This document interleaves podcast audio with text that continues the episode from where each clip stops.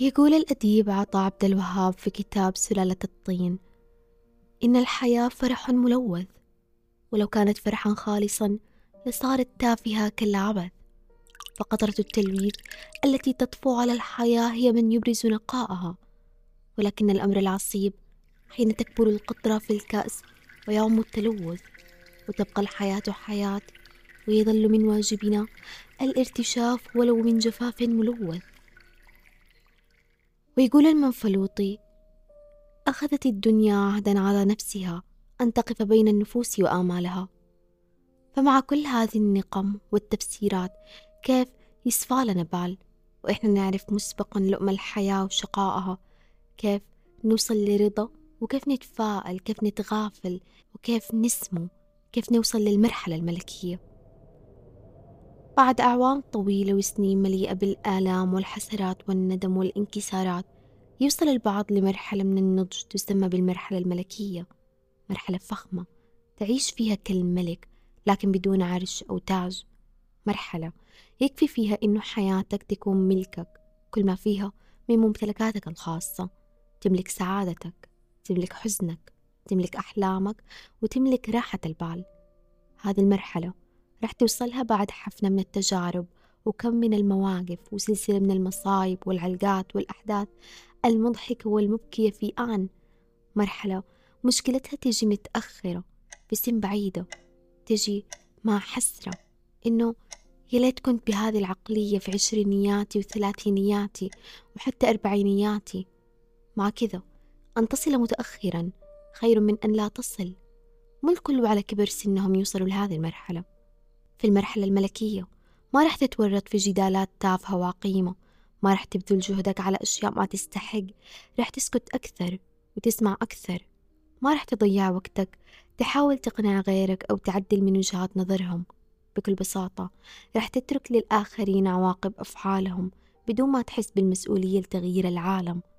في المرحلة الملكية ما رح تزعجك صغائر الأمور.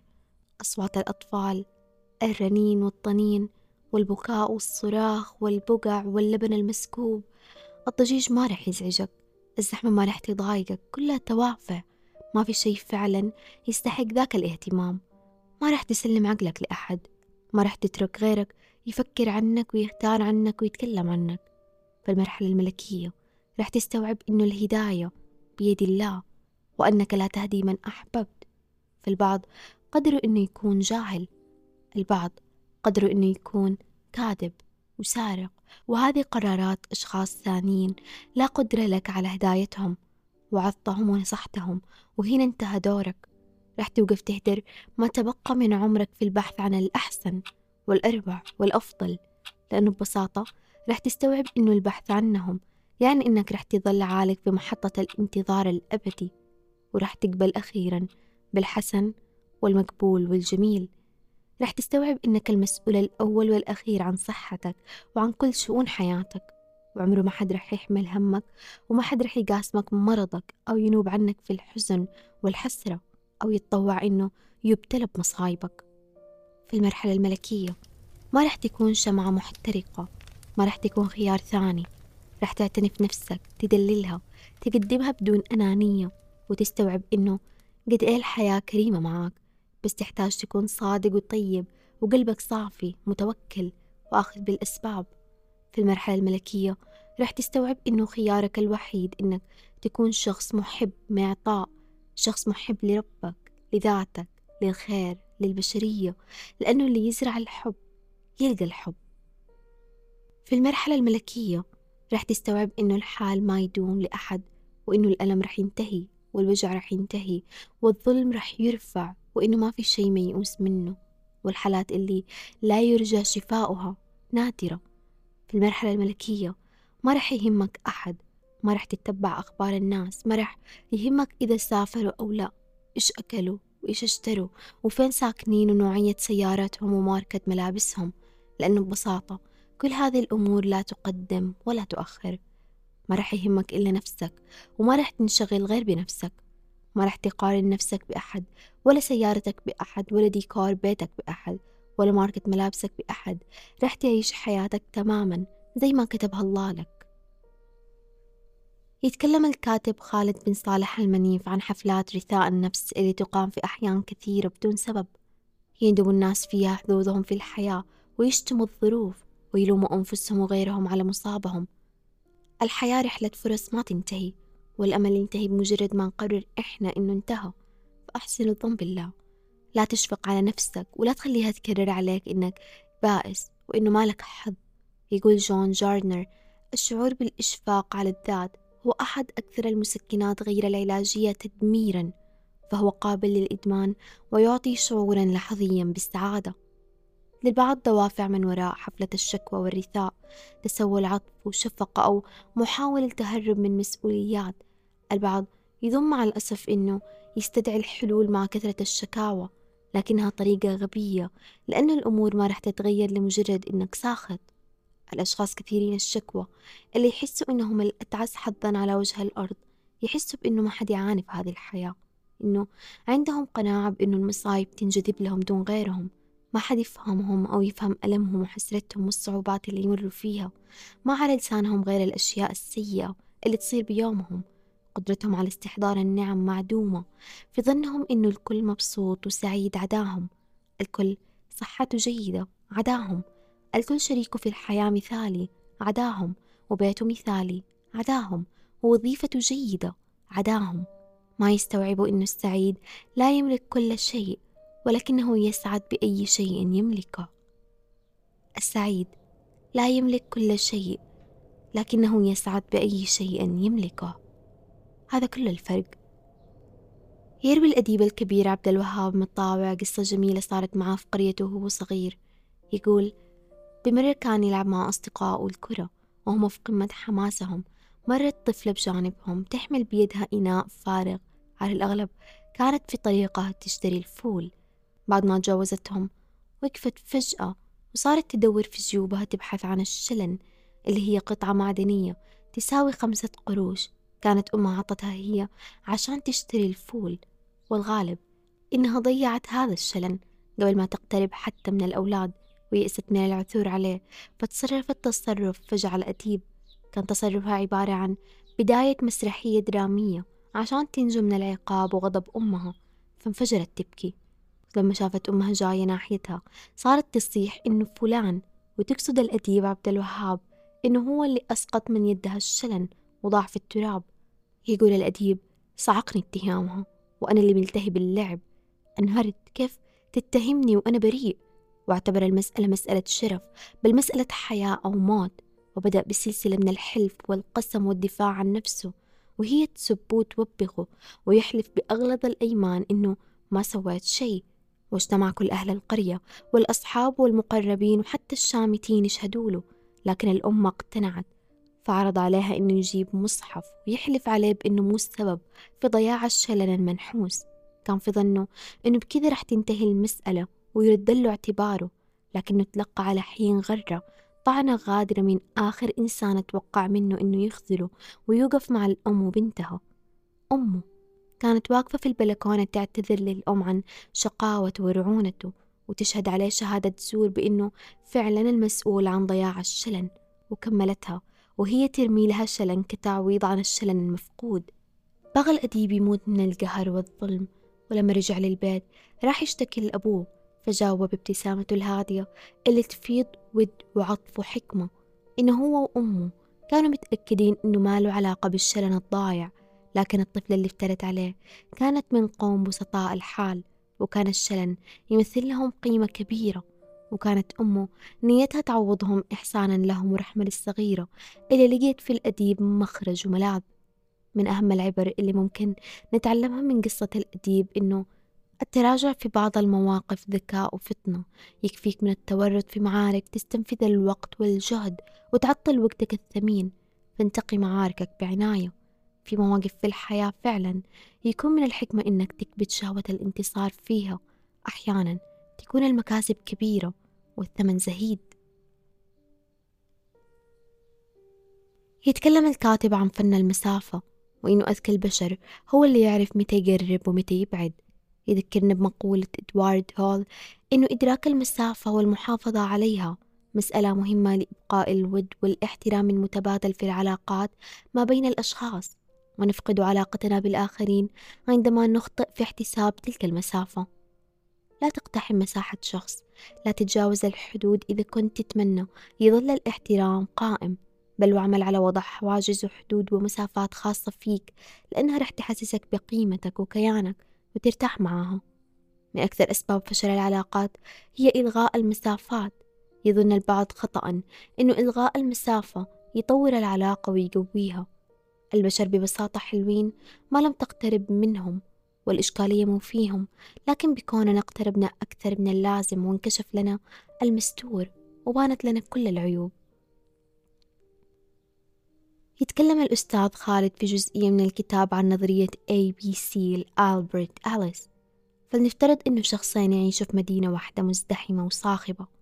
الأول وخلينا نسميه جو والثاني جون يتقاربوا في العمر والمستوى التعليمي بل وخرجوا من شركة واحدة على الطريق المزدحم وتعطل السير فكيف رح يتصرف كلا الشخصين السيد جو بحث عن مادة صوتية عن بودكاست واستمع له ألين هدأ الزحام ثم وصل بيته. والسيد جون كان ازدحام في عقله قبل الطريق عصب على الكل بل واشتبك مع بعض السائقين وتلاسم مع هذا وذاك وكان الوضع رح يتطور في كثير من الأحيان لولا لطف الله.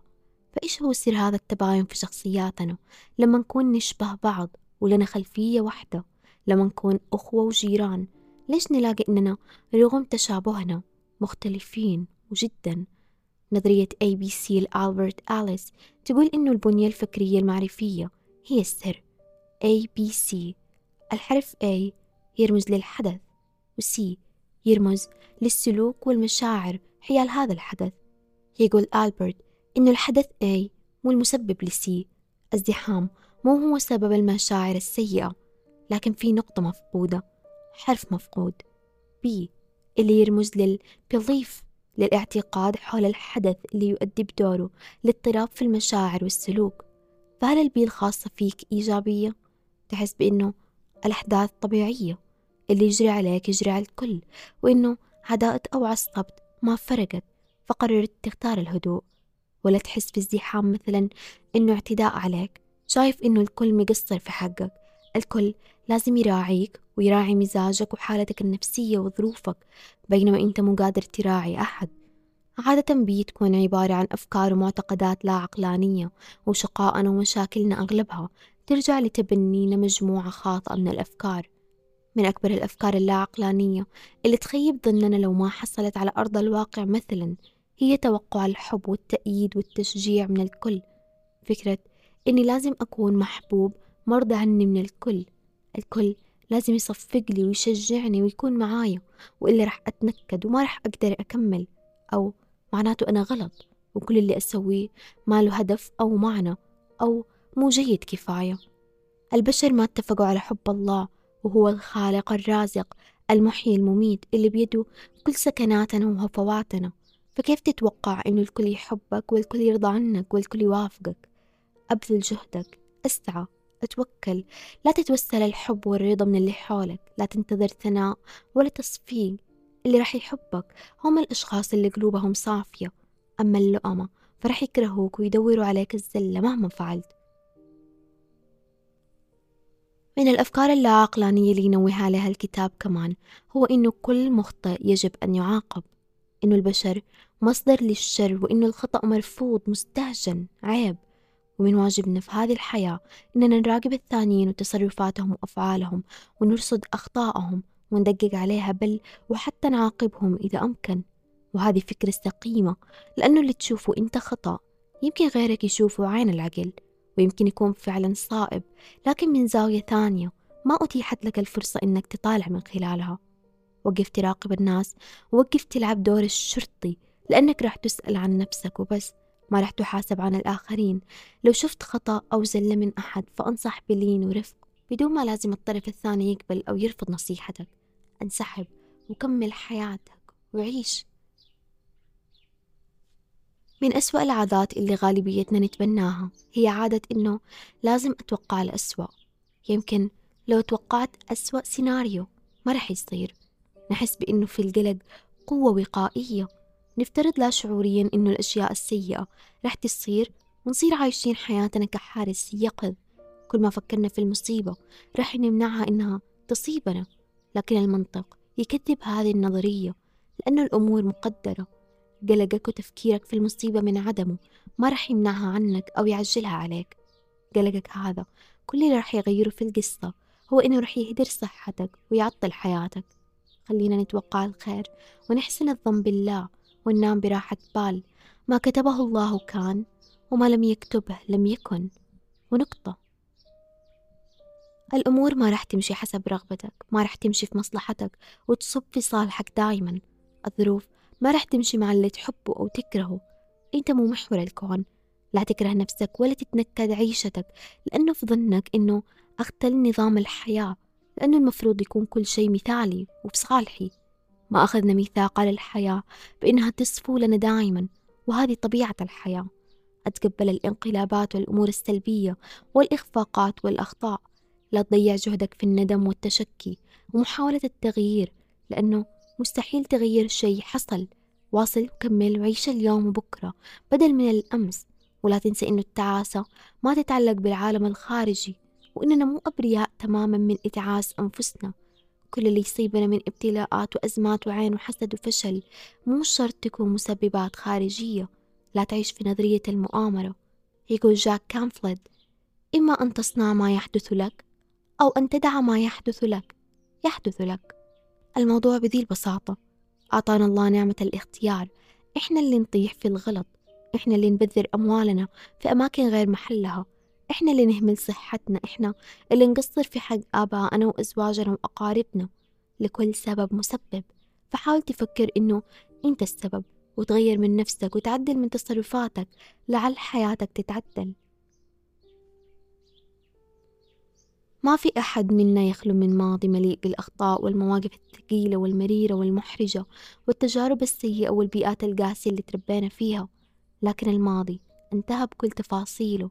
هذا كان الشابتر الأول من قصتك. لا تخلي قصتك تنتهي هناك. عيش لبكرة. أتناسى الماضي. لا تبكي على اللبن المسكوب. لا قدرة لنا نحن البشر على العودة للماضي وتعديل تفاصيله. فاعتني بيومك وبكل ما تملك. وأفرح إنه لسه في بكرة. ما في شي كامل لا كان أمس ولا بيكون اليوم ولا رح يكون بكرة. إحنا ما من الممكن نكون كاملين ومثاليين في أي دور نلعبه في هذه الحياة.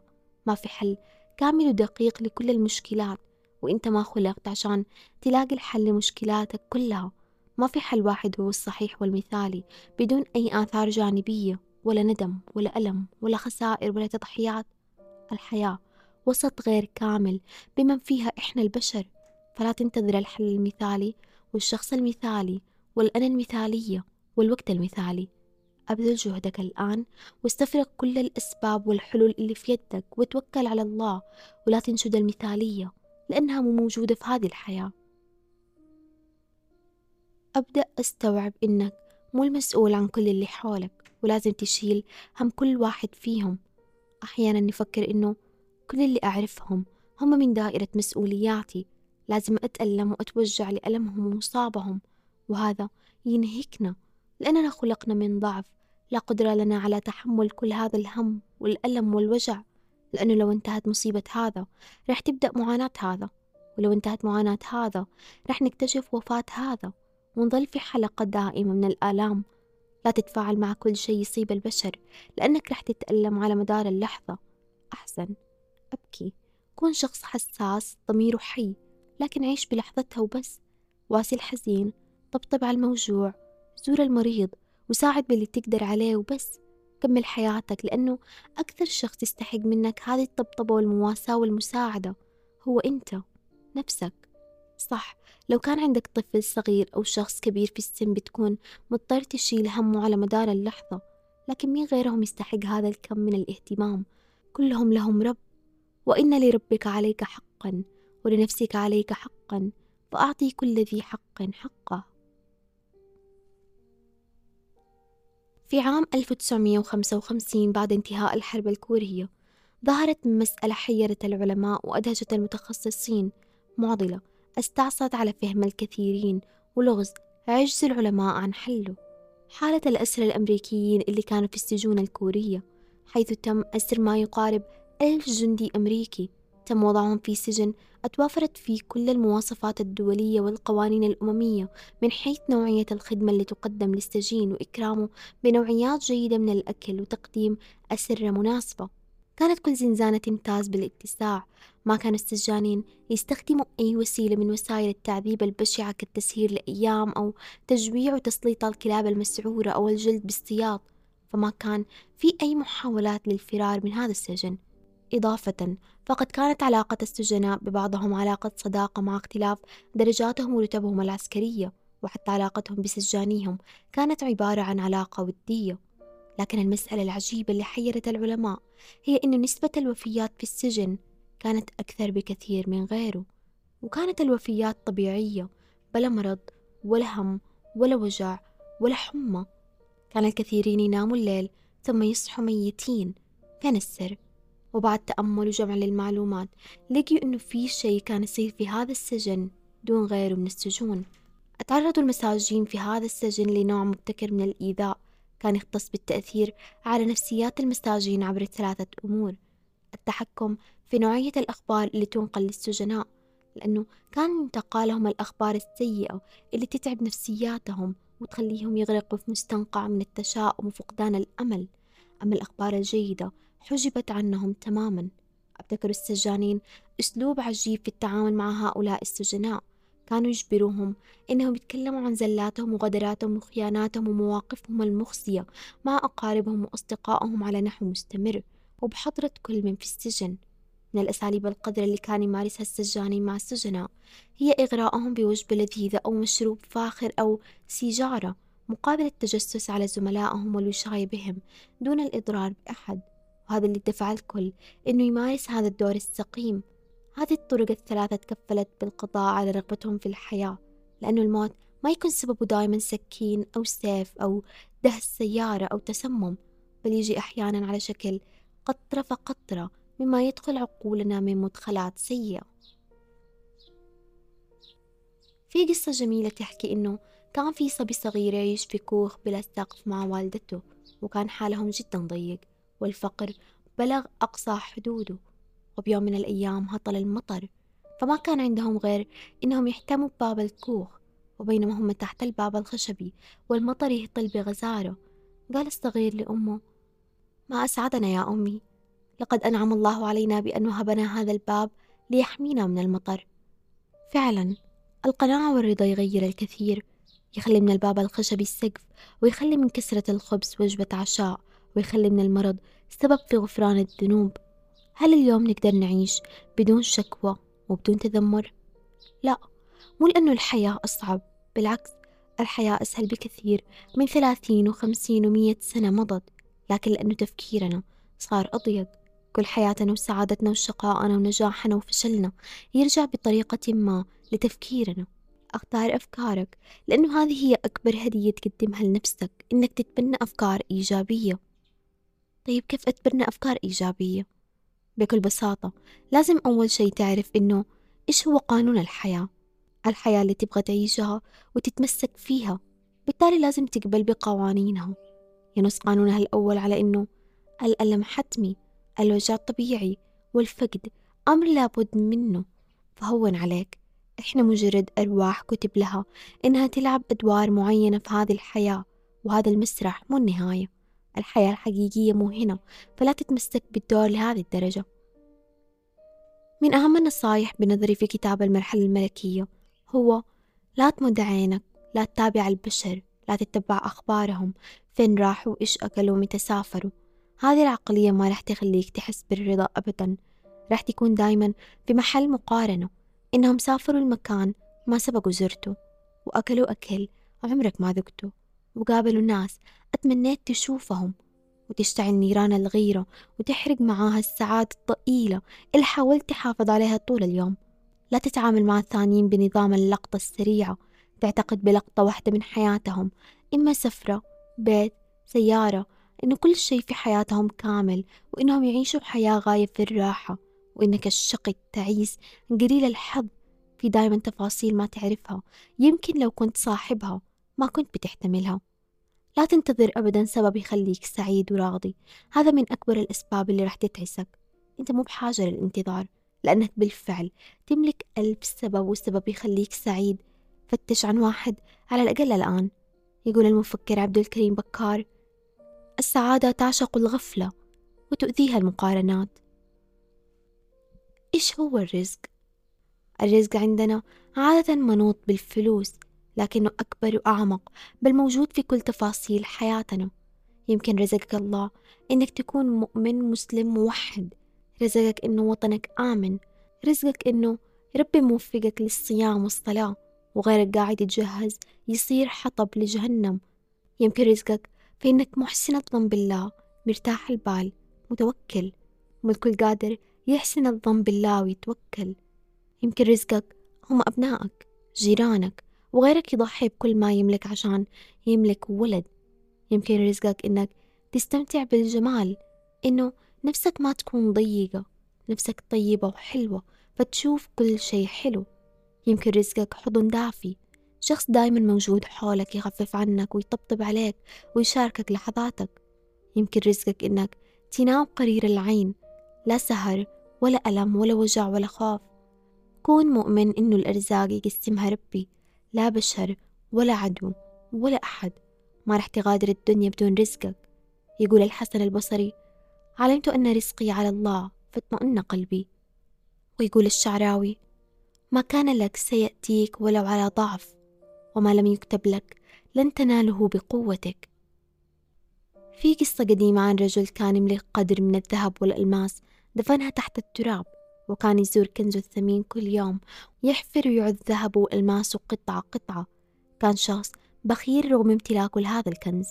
كثرة تردده على المكان لفتت انتباه أحد اللصوص. وعرف مكان هذا الكنز فحفر وأخذ الكنز من ذهب ومجوهرات. وهرب. ولما رجع الرجال يزور كنزه ويطمن عليه. ما لقيه. فانهار وغرق في الحزن والكآبة. وبدأ بالعويل والبكاء. مر عليه أحد جيرانه وقال له رح أعطيك حل لمشكلتك. أدفن بعض الحصى وتخيلوا ذهب ورح يأدي المهمة نفسها لأنك بالأصل ما كنت تستفيد من هذا الكنز اللي سرق. هذه القصة تحكي حال الكثيرين اللي يملكوا أشياء جميلة بل رائعة لكن ما يستمتعوا فيها. أيا يكن الشيء اللي نملكه الآن والأشخاص اللي نملكهم الآن فإحنا ما نقدرهم ولا نشوفهم بنظرة الكنز الثمين اللي لازم نتعامل معاه ككنز لا يحصى. ولا يقدر بثمن. تعرف الفاعلية بأنها استخلاص أكبر قدر من الفائدة من الشيء وأغلب البشر ما يستمتعوا بالأشياء إلا القليل يمروا على الرياض والبساتين وما يستمتعوا بتفاصيلها تماما زي الأصوات الحلوة والروائح الشهية وأصوات المطر.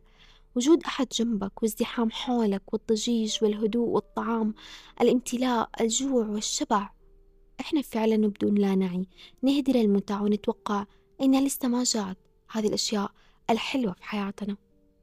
يحكى عن ملك أعطاه الله الحكم والملك رزق الله مال وسطوة وقصور وجواري وبساتين. مع كذا ما كان سعيد كان في ضيق دايم وهم طويل ومزاج معكر. كان له خادم يلازمه ويقضي معاه نص يومه ونص يوم الثاني مع أسرته. لاحظ الملك سكينة نفس هذا الخادم وطمأنينته وابتسامته الدائمة فكان الملك يتساءل عن سر سعادته. ليش أنا وأنا الملك عندي كل القصور والأموال والجواري؟ مع كذا بالي مو مرتاح زي هذا الخادم الفقير. فاستعان بأحد مستشاريه. مستشار كانت الحياة أدبته وعلمته التجارب. أشار عليه بأنه يجرب معاه قاعدة التسعة والتسعين. قال له قل للخادم رح أعطيك السرة فيها مية دينار وأرسلها مع شخص معروف بالأمانة لكن حط في السرة تسعة وتسعين دينار بس ثم رح تعرف إجابة سؤالك بعدها. وبالفعل نفذ الملك قاعدة التسعة والتسعين واستلم الخادم السرة مسرور لكن لما جاي يعدها لقيها تسعة وتسعين دينار بس عدها مرة ثانية وثالثة لكنها في كل مرة كانت تسعة وتسعين دينار بس. أيقظ أهله من النوم وراحوا يبحثوا عن الدينار الضائع جنب البيت وانقضت ليلتهم الباردة العاصفة وهم يبحثوا في الشوارع والطرقات القريبة. ضاقت نفس الخادم وساءت نفسيته وطلع عليه الفجر وهو مالك الدينار ووبخ أطفاله ولامهم على ضياع الدينار. أتوجه للقصر خائر القوة ضائق الصدر. وقتها أدرك الملك مبدأ التسعة والتسعين وأدرك معها أحد أهم أسرار السعادة. الخادم ما كان يثمن كونه يملك تسعة وتسعين دينار وعلق سعادته بالدينار المفقود. والملك ما كان يختلف عن هذا الخادم فكان يركز على المفقود وما يثمن الموجود وهذا الفرق بين التعيس والسعيد. القاعدة تقول إن كل ما زادت ممتلكاتك زاد ما يجب عليك الحرص عليه. قد قالها سقراط من قبل. أغنى الناس هو من يرضى بالقليل. لكن الآن في العصر الحالي حتى الكثير ما عاد يرضينا يقول المفكر الأمريكي ثورو إن المال غير لازم لشراء أي شيء ضروري للروح. جرب تقنية الاستغناء. إذا عز عليك امتلاك مزرعة كبيرة فأخرجها من عقلك. إذا تعسر عليك الحصول على فتاة أحلامك أتناساها إذا صعب عليك امتلاك ذاك الحذاء أو ذاك الفستان أو ذيك الحقيبة استغنى عنهم. بقاء الأمنيات المعلقة تعيق تحركك تخلي منك إنسان هزيل قلق. القاعدة تقول لن تستطيع تملك كل ما تشتهي. قيل إن عمر رضي الله عنه بعد حيازته للخلافة كان إذا اشتهى طعام ثمنه درهم يأخر شراء السنة تأديبا لنفسه وتربية لها. إنه مو دايما رح نحصل على اللي نبغاه ولازم نكون متصالحين مع هذه الفكرة. من أهم وأجمل النصايح في الكتاب خذ وقتك. خذ وقتك في ذكر الله. خذ وقتك في اللعب. خذ وقتك في القراءة خذ وقتك في الضحك. لا تفوت مشهد مضحك أو طرفة اضحك بعمق وعيش اللحظة. فالضحك علاج للقلب يخفف الآلام ويقوي جهاز المناعة. خذ وقتك في البكاء. يقول أحد الأدباء إنه الألم الجاف أشد قسوة من الألم المبلل بالدموع. بللوا آلامكم بالدموع. الأشخاص اللي يبكوا أكثر هم أقل عرضة للإصابة بالأمراض مثل السكر والضغط. خذ وقتك في التنزه استنشق الورود استشعر إشعاعات الشمس أتخلص من ضغوطاتك وأترك همومك في البيت أو العمل قبل ما تخرج في نزهة. أتنزه كأنك ولدت للتو بدون أي تفكير أو حساب للي لازم تسويه أو للي لسه ما انتهيت منه. الخطأ هو أصل في طباعنا كبشر كبار صغار عقلاء أو مجانين. رح نخطئ. رح يخطب حقنا. فإيش هو فن التعامل مع الأخطاء؟ هو إنك تدرك إنه أخطائك وكل اللي حولك أمر طبيعي. إحنا مو ملائكة. إذا انكشف لك عيب أو خطأ أحد ثاني فلا تعيش إحساس إنك أفضل منه وبمكانة أعلى منه لأنك ما أخطيت هذا الخطأ. لأنك كبشر فأنت مليان بالعيوب والأخطاء. الفرق إنه للآن ما كشفت أخطائك عن الملأ. لا تقول فلان طاح من عيني بعد اللي سواه لأنه مجرد خطأ ومو النهاية. يمكن أخطائك اللي ما كشفت للآن أعظم وأكبر من خطأه. أستحضر مبررات وأعذار له لأنك ما تعرف إيش في النوايا وإيش كان الحال وكيف كان الوضع. أخلق سبعين سيناريو والتمس له سبعين عذر. يوسف عليه السلام ورغم عدم وجود أي مبرر لرميه في البير غير أنانية أخوانه وحقدهم وسوءهم إلا إنه عذرهم. وقال بعد ما التم شملهم من بعد أن نزغ الشيطان بيني وبين إخوتي كأن الشر ما كان نابع من داخلهم بل من الشيطان. أستوعب إنه أنت مو مضطر ولا ملزم بإنك تشارك في كل حديث وتقحم نفسك في كل مسألة ومشهد وتدس أنفك في كل شأن يخص غيرك. أنت مو مضطر إنك تقضي حياتك أسير للعمل. لا تعيش حياتك راكض لاهث ارتاح أهدأ أتنفس. أسترخي. لا تستحي إنك تستمتع ولا تستكثر على نفسك. وقت للراحة والمتعة. وتتحجج بإنه ما في وقت لأنه نعيش حياتنا في ركض كله لأجل هذه اللحظة وهذا الوقت بالذات. إذا بتوصل للمرحلة الملكية فلازم تستوعب إنك مو مضطر ترد على كل سفيه. قلة أدب البعض أمر يخصهم ما تضرنا. فلا تنزل لمستواه لأنه قلة أدبه ما تقلل من قيمتك. بل تظهر معدنه وأسلوبه وحقيقته. لا تشارك في كل جدال وتخاصم في كل معركة. كن حيادي. في الحياة قوة. أدخر جهودك لمعاركك الخاصة. لا تعبر عن تقززك لما تقرف من أكل معين أو مشروب معين وتكره اللي يحبوه. أحترم ذوق غيرك. لا تفصح عن نواياك وأفكارك وآرائك كلها وخططك كلها. في الغموض هيبة. ما حد يدين لك بالشي عشان تقول له كل أسرارك. إذا تبغى توصل للمرحلة الملكية فلا تبكي وتشكي على التوافه. كان المازن اللي أذاقته الحياة كل أنواع العذاب يوصي باللامبالاة والسخرية من الحياة لأنها تافهة. لا تقضي عمرك تجري ورا شخص ما يبادلك الشعور وما يبادلك ذات الاهتمام. لا تتعب قلبك في النبض لشخص مو مهتم. ولا تتفاعل مع كل تعليق ونقد وملاحظة موجهة لك لأنه الرد على هذا والتعليق لهذا وإفهام هذا وإفحام هذا. مرهق. ما تعرف إيش في نوايا البشر. يمكن البعض تعليقاتهم نابعة من حب ويمكن نابعة من غيرة وحقد. فكون مراقب ملتهي بشأنك لا دخل لك بنوايا الناس وأفعالهم. لا توقف عند كل خطأ من أحد وتعقب على كل زلة وتناقش كل عثرة لهم. لا تعاقبهم لأنك ما تتعامل مع ملائكة. من المفترض يكونوا كاملين. أنت قاعد تتعامل مع بشر ناقصين وأنت كمان ناقص. وأهم شي إنه أنت كمان رح تغلط فلما تغلط وتحاسب نفسك مو مضطر تبرر للكل وتشرح للكل عن دوافعك ونواياك وأخلاقك لك كامل الحق إنك ترفض بدون تبريرات. مهما كنت لبق في انتقاء كلماتك رح تلاقي أشخاص يسيئوا فهمها فلا تبرر. بعض المعارك الفوز فيها يكون بنكهة الخسارة من كثر الإرهاق والتعب في التبرير والدفاع عن أنفسنا. لا تمانع إنك تخسر إذا كان هذا اللي يبغوه لأنك الطرف الخاسر من البداية من بداية شكوكهم حولك. إذا أخطيت واعتذرت انتهى الموضوع هنا. أنت مو مضطر تطارد شخص رفض اعتذارك. أديت واجبك وسويت المطلوب وبس. فلا تذهب نفسك عليهم حسرات. البعض هم كذا.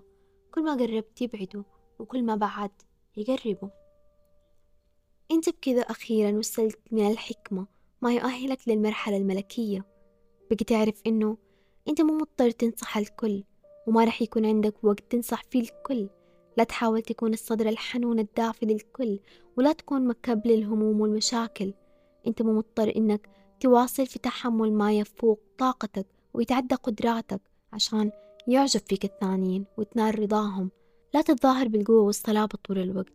أبكي. الأمور مو دائما بخير ولا دائما راح تكون بخير. فما في مشكلة إنك تبكي وتبدي. كل ما بكيت أسرع كل ما عادت ابتسامتك أسرع. كتب المؤرخ الروماني بلوتارخ عن شخص كان بحضرة ضيوفه لكنه على غير عادته.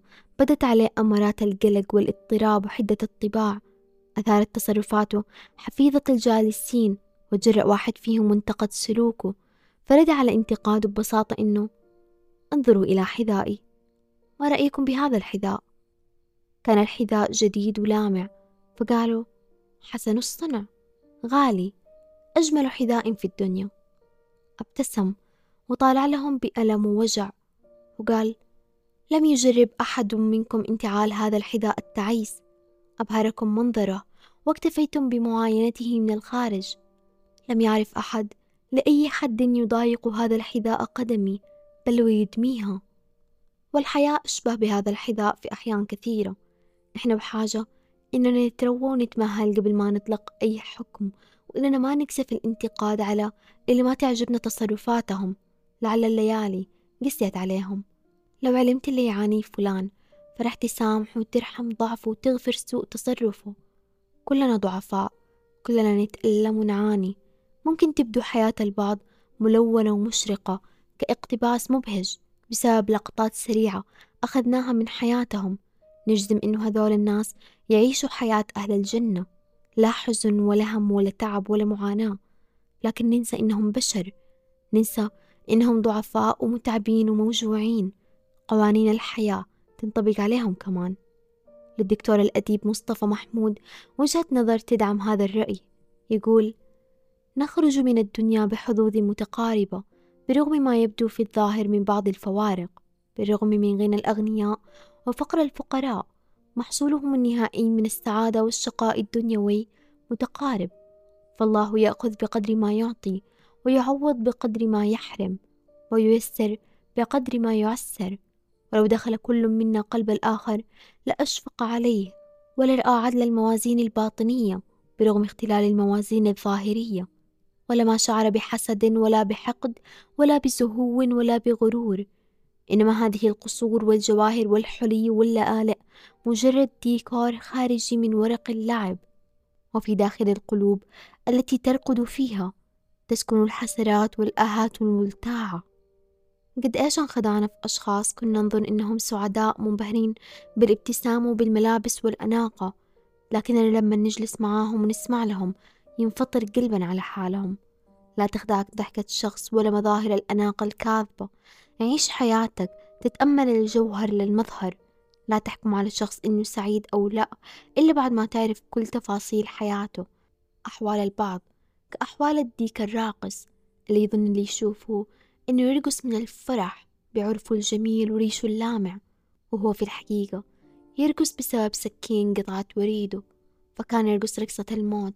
لا رقصة طرب وسعادة يقول المتنبي لا تحسبوا رقصي بينكم طربا فالطير يرقص مذبوحا من الألم. وقال فولتير لا تنخدع بضحكهم فإنهم لا يضحكون ابتهاجا وإنما تفاديا للانتحار. ما حد رح يلومك لو حزنت وبكيت واعتزلت الحياة لفترة لكن المشكلة الوحيدة تكمن في طول المكوث أمام مشاهد المآسي والحزن لا تستسلم للمشاعر السلبية مهما بدت منطقية وواقعية. يقول الشيخ الغزالي الهموم هي سموم تخترق الجسم فتنكر فيها كل عظم وتفتت كل عضد.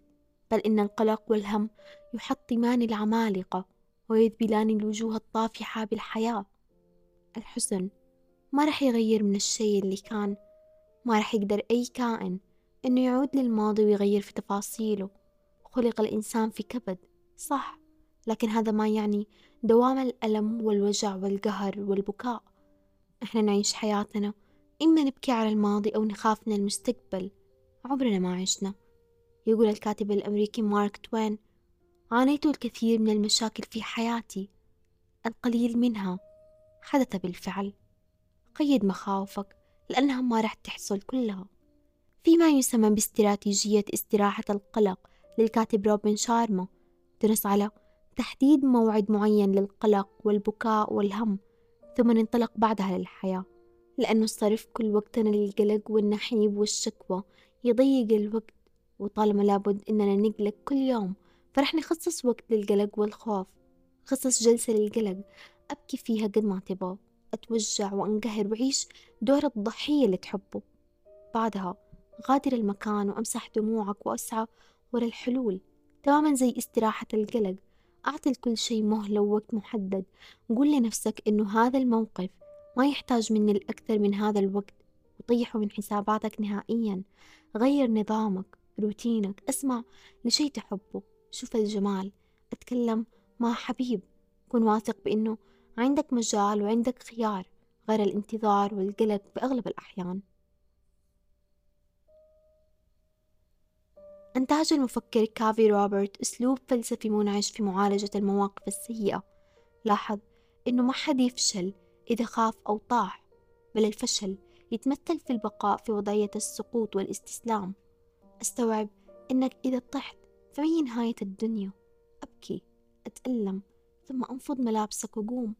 تماما زي الطفل الصغير أضحك بصوت عالي لو فرحت. أبكي بدون خجل لو كنت مهموم أشكي همومك للأشخاص اللي تحبهم.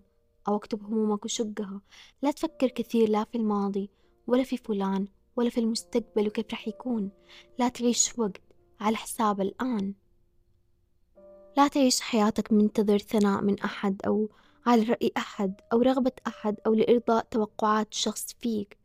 يقول المنفلوطي رحمه الله حياة البعض في هذه الدنيا حياة ضمنية في حياة الآخرين.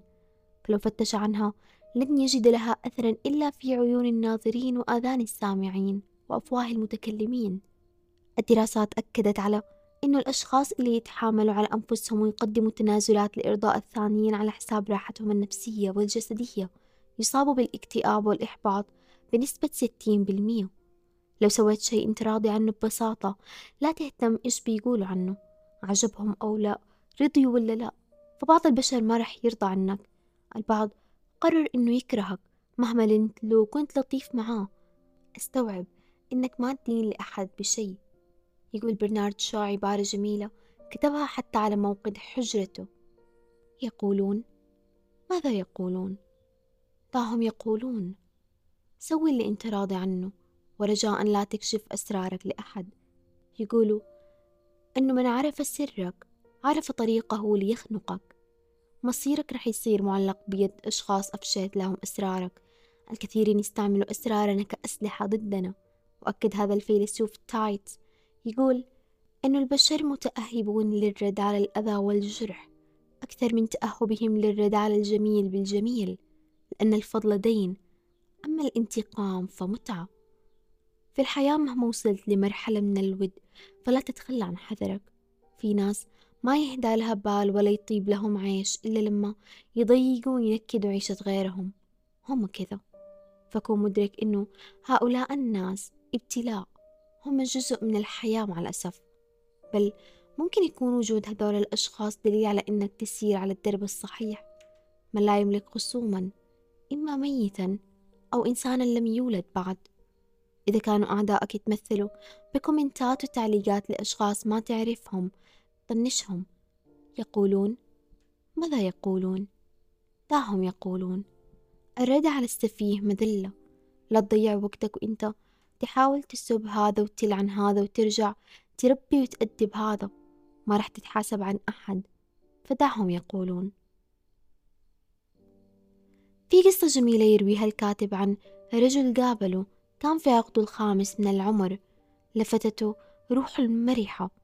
كان رجل أنهكته البدانة. سمعوا يحكي عن قصة حبه لإحدى الممرضات ويضحك على سبب تركها له وهو سمنته وكيف إنه علق في التاكسي في موعدهم الأول. راح الكاتب يتعشى معاه لكن هذا الرجل أخرج من جيبه عدد من العقاقير والأدوية وما أكل غير القليل. سألوا كاتبنا إذا كان مريض؟ فابتسم وقال له إنه أغلب أعضاؤه معتلة بل إنه أشبه بمنظومة أمراض متحركة. يقول إنه الأطباء قالوا له من عشرين سنة إنه نهايته في هذه الدنيا اقتربت لكنه متشبث بالحياة ويحبها. سألوا الكاتب عن طريقة إطالة العمر وجلب السعادة. قال له اضحك في موطن الضحك وابكي بلا خجل واشكي همك لمن تستريح إليهم واهزم همومك بالاستعانة بالله ثم مواجهتها. طهر قلبك من الكراهية والرغبة في الانتقام ممن أساءوا إليك. اغفر الزلة ولا تندم على ما فات ولا على ما لم يكتب لك ولا تعض عليه يدا. عيش حياتك باعتدال لا تسرف في التفكير في المستقبل على حساب الحاضر. عش لحظتك ويومك كن قنوعا وارضى بما قسمه الله لك واقتنع بما قضي لك. إذا تبغى تستشعر السعادة فعلا فلازم تمتلك عقل ضاحك زي ما قال رجاء النقاش لن يستشعر البشر السعادة دون أن يمتلك عقلا ضاحكا. العقل الضاحك هو ذاك اللي يدعو للفرح والحب والاستمتاع بالحياة. الثقافة السوداوية والقصيدة الباكية والاقتباس الحزين تضر بأصحابها وتحرمهم متعة الحياة. امتلك عقل ضاحك اتقبل الحياة حبها كون صانع للسعادة ومصدر لها لأنه العقل الضاحك يهدي صاحبه بقلب ساكن وبال مطمئن. رح تشعر بأنه الصعاب تحت السيطرة أنه المواقف العسيرة ممكن تتجاوزها بالعقل الضاحك. ما رح تسمح لأي ألم أو هم أو مصيبة إنها تستولي عليك وتحرمك من حقك الصريح في إنك تحب الحياة. لكل إنسان نصيبه من السعادة والشقاء. ما في حياة كاملة بل في سعادة وشقاء. ألم وفرح فاللي تقدر تغيره غيره واللي ما تملك القدرة على تغييره فاحتمله وتقبله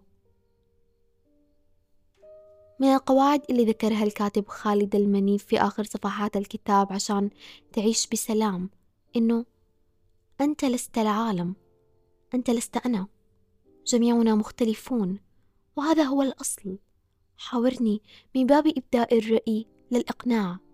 من حقي أن أملك قناعات مختلفة عن قناعاتك لأن الأصل بين البشر هو الاختلاف.